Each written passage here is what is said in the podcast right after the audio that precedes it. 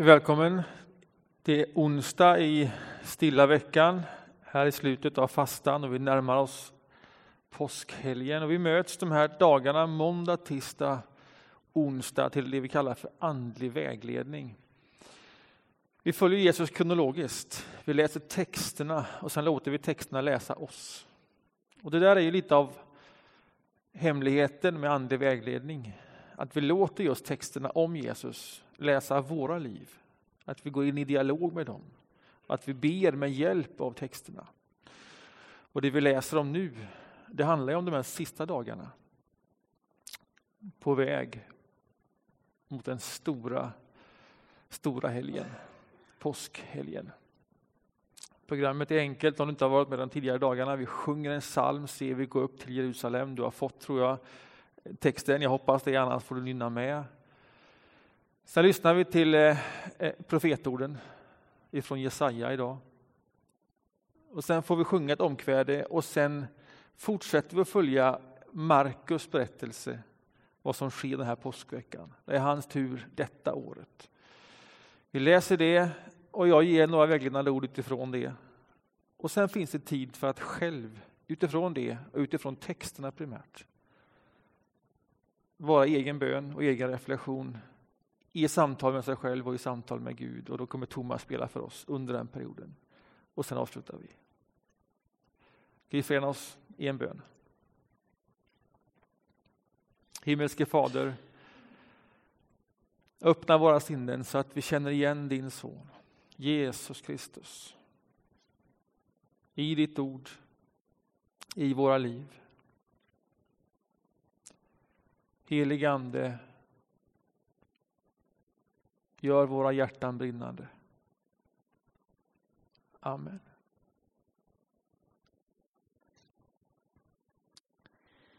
Då ska vi läsa ifrån Jesaja kapitel 5 och vers 1 till och med 7 på sidan 488.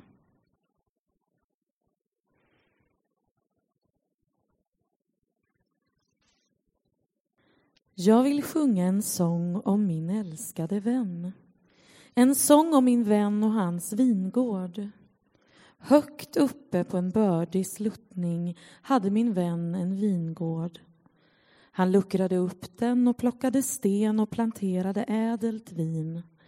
Han byggde ett vakttorn, han högg ut ett presskar. Han väntade sig söta druvor, men vingården gav honom sura. Döm nu, Jerusalems män och Judas folk. Döm mellan mig och min vingård. Vad mer kunde göras för min vingård som jag inte redan har gjort? Jag väntade mig söta druvor. Varför gav den mig sura? Nu ska jag låta er veta vad jag tänker göra med min vingård. Jag ska ta bort stängslet så att den blir skövlad jag ska riva muren så att den blir nertrampad. Jag ska låta den förfalla. Där ska inte beskäras, inte hackas. Tistel och törne ska ta överhand. Och molnen ska jag förbjuda att fälla sitt regn över den. Herren Sebaots vingård är Israel, Judas folk, hans älskade plantering. Han väntade oväld, men fann våld. Han väntade rätt, men fann orättvisa.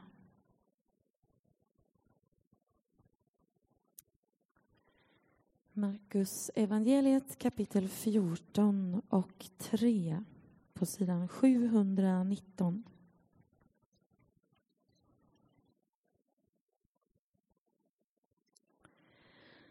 Medan han var i Betania och låg till bords hemma hos Simon den spetälske kom en kvinna med en flaska dyrbar äkta nardusbalsam. Hon bröt upp flaskan och hällde ut allt sammans över hans huvud. Några blev förargade och sa till varandra Vilket slöseri med balsam! För den oljan hade man ju kunnat få mer än 300 denarer att ge åt de fattiga. och de grälade på henne. Men Jesus sade, låt henne vara. Varför gör ni henne ledsen? Hon har gjort en god gärning mot mig. De fattiga har ni alltid hos er och de kan ni göra gott mot när ni vill. Men mig har ni inte alltid. Hon har gjort vad hon kunde. I förväg har hon sörjt för att min kropp blev smord till begravningen. Sannerligen, överallt i världen där evangeliet förkunnas ska man också berätta vad hon gjorde och komma ihåg henne. Men Judas Iskariot, en av de tolv, gick till översteprästerna för att förråda honom. De blev glada och lovade att ge honom pengar. Och han sökte efter ett lämpligt tillfälle att förråda Jesus.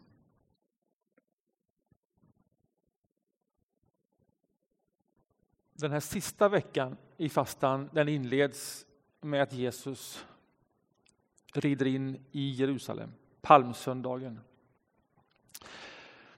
Och sen undervisar Jesus om olika saker på måndagen, tisdagen och sen kommer vi till dagen före påskmåltiden då påskhelgen inleds och firas. Det här är dagen innan hela högtiden. Och man märker det för att den här dagen, det dramat, det som utspelar sig nu, idag, det vi har läst, det beskriver hela påskens drama. Allt finns i den här berättelsen. Allt förutsägs i detta dramat. I Jesaja finns hela bakgrunden till påsken.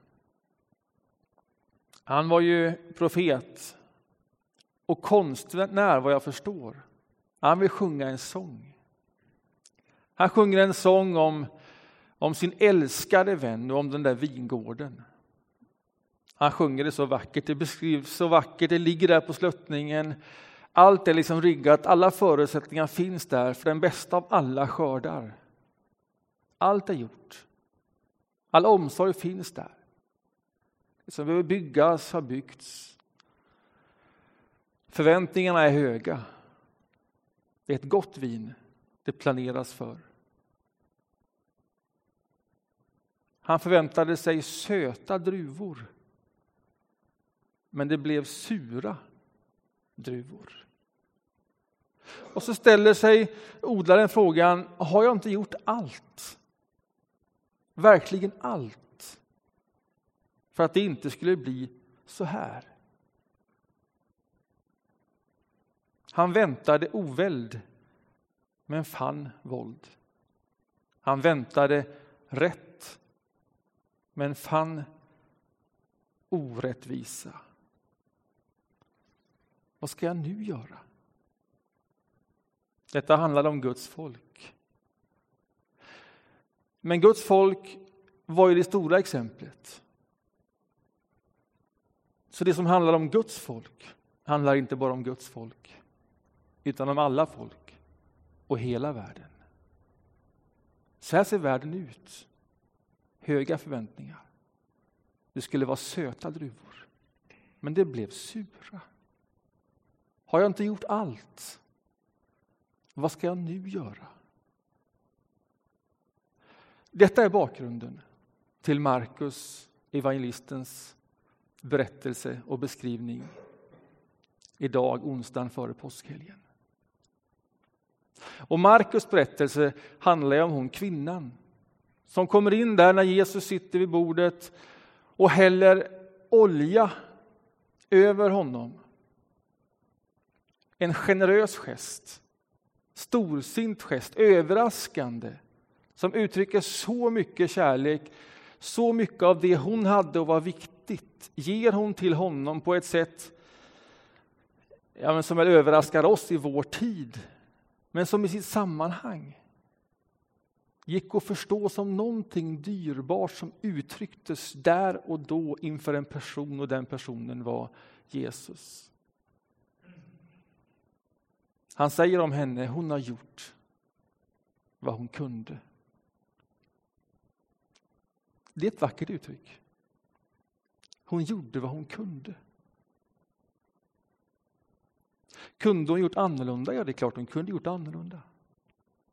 Gjorde hon helt rätt? Hon tog inte alla saker i beaktande. Det är klart man kunde använt det här på ett annat sätt. För de fattiga var ju ett exempel som kanske hade varit ännu mer rättfärdigt och rätt. Nej, hon hade nog inte tagit alla saker i beaktande. Hon hade nog inte vägt allting. Det kanske inte var helt rätt beslut. Men hon gjorde det hon kunde.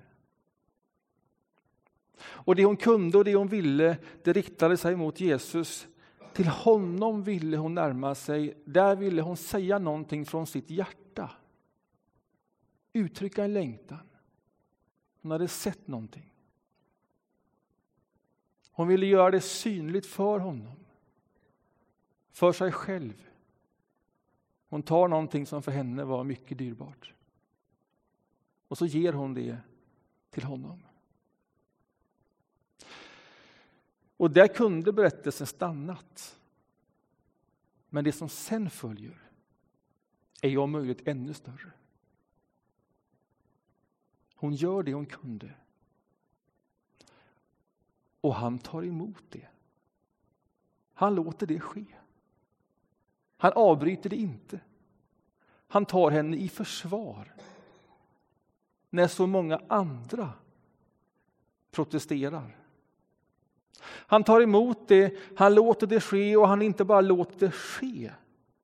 Han tar emot det och han tolkar det så att inte bara hon utan alla kring bordet förstår vad det är hon har gjort.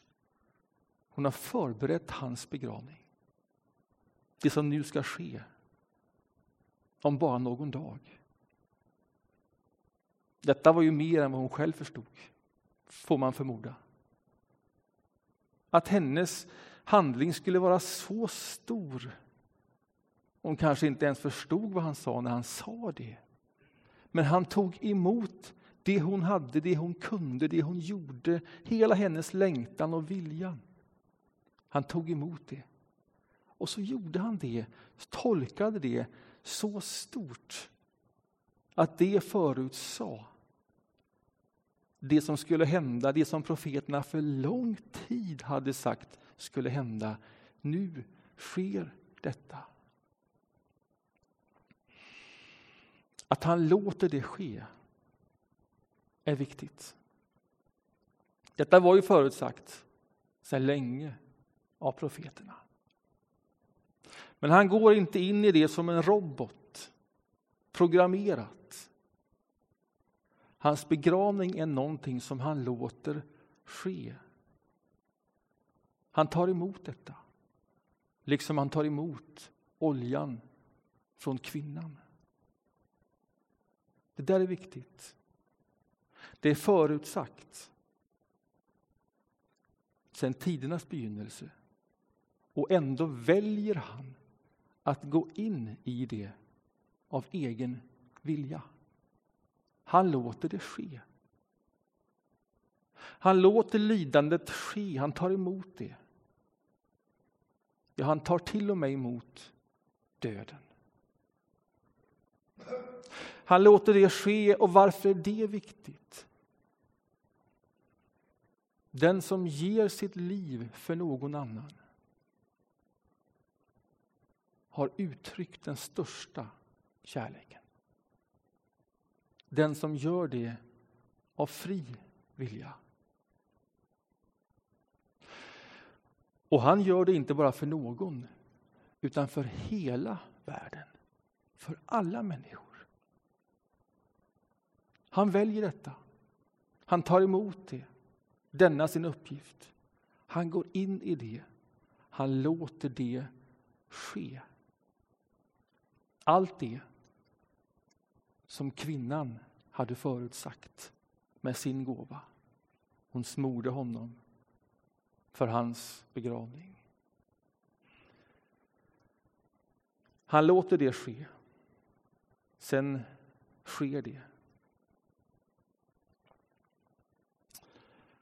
Att låta det ske och att ta emot det är kanske den svåraste av uppgifter. Inte bara för honom, utan också för oss. Han dör och vi vet att han uppstår. Det är den hela berättelsen omkring påsk. Och när han gör det så uttrycker han den största kärleken. Det är som om han tar kvinnans roll. Som om han inför var och en, ja alla människor, kommer med en flaska dyrbar, äkta balsam. Nu är det han som uttrycker sin kärlek genom detta påskdramat på motsvarande sätt som kvinnan gör mot honom. Hon har med sig hela sitt hjärta, hela sin vilja. Nu är det han som häller sin olja över ditt huvud. Det är han som uttrycker sin kärlek genom att lida och dö och uppstå. Detta har vi ju hört. Detta har vi ju läst. Detta kommer vi höra och vi kommer läsa om det. Men den svåra frågan den är ju den om vi kan ta emot. Om vi kan låta det ske. Precis som han tar emot och låter det ske. När du snart Thomas spelar och du själv får föra ett samtal med dig själv, med Gud utifrån denna text som avslöjar hela påskens drama så skulle jag föreslå att du gör det omkring samtalet och frågan hur ska jag ta emot? Hjälp mig att ta emot. Jag vill ta emot. Jag vill inte sätta upp några gränser.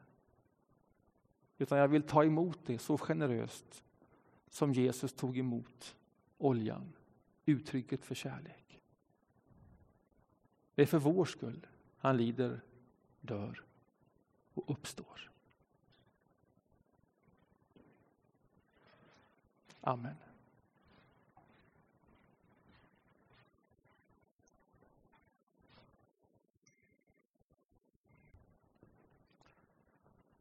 Ska vi be tillsammans. Vår Fader, du som är i himmelen. Låt ditt namn bli helgat. Låt ditt rike komma. Låt din vilja ske på jorden så som i himmelen. Ge oss idag det bröd vi behöver och förlåt oss våra skulder liksom vi har förlåtit dem som står i skuld till oss. Och utsätt oss inte för prövning utan rädda oss från det onda. Ditt är riket, din är makten och äran i evighet. Amen. Herren välsigne oss och bevara oss. Herren låter sitt ansikte lysa över oss och vara oss nådig. Herren vände sitt ansikte till oss och give oss frid. I Faderns och Sonens och i den heliga Andens namn. Amen.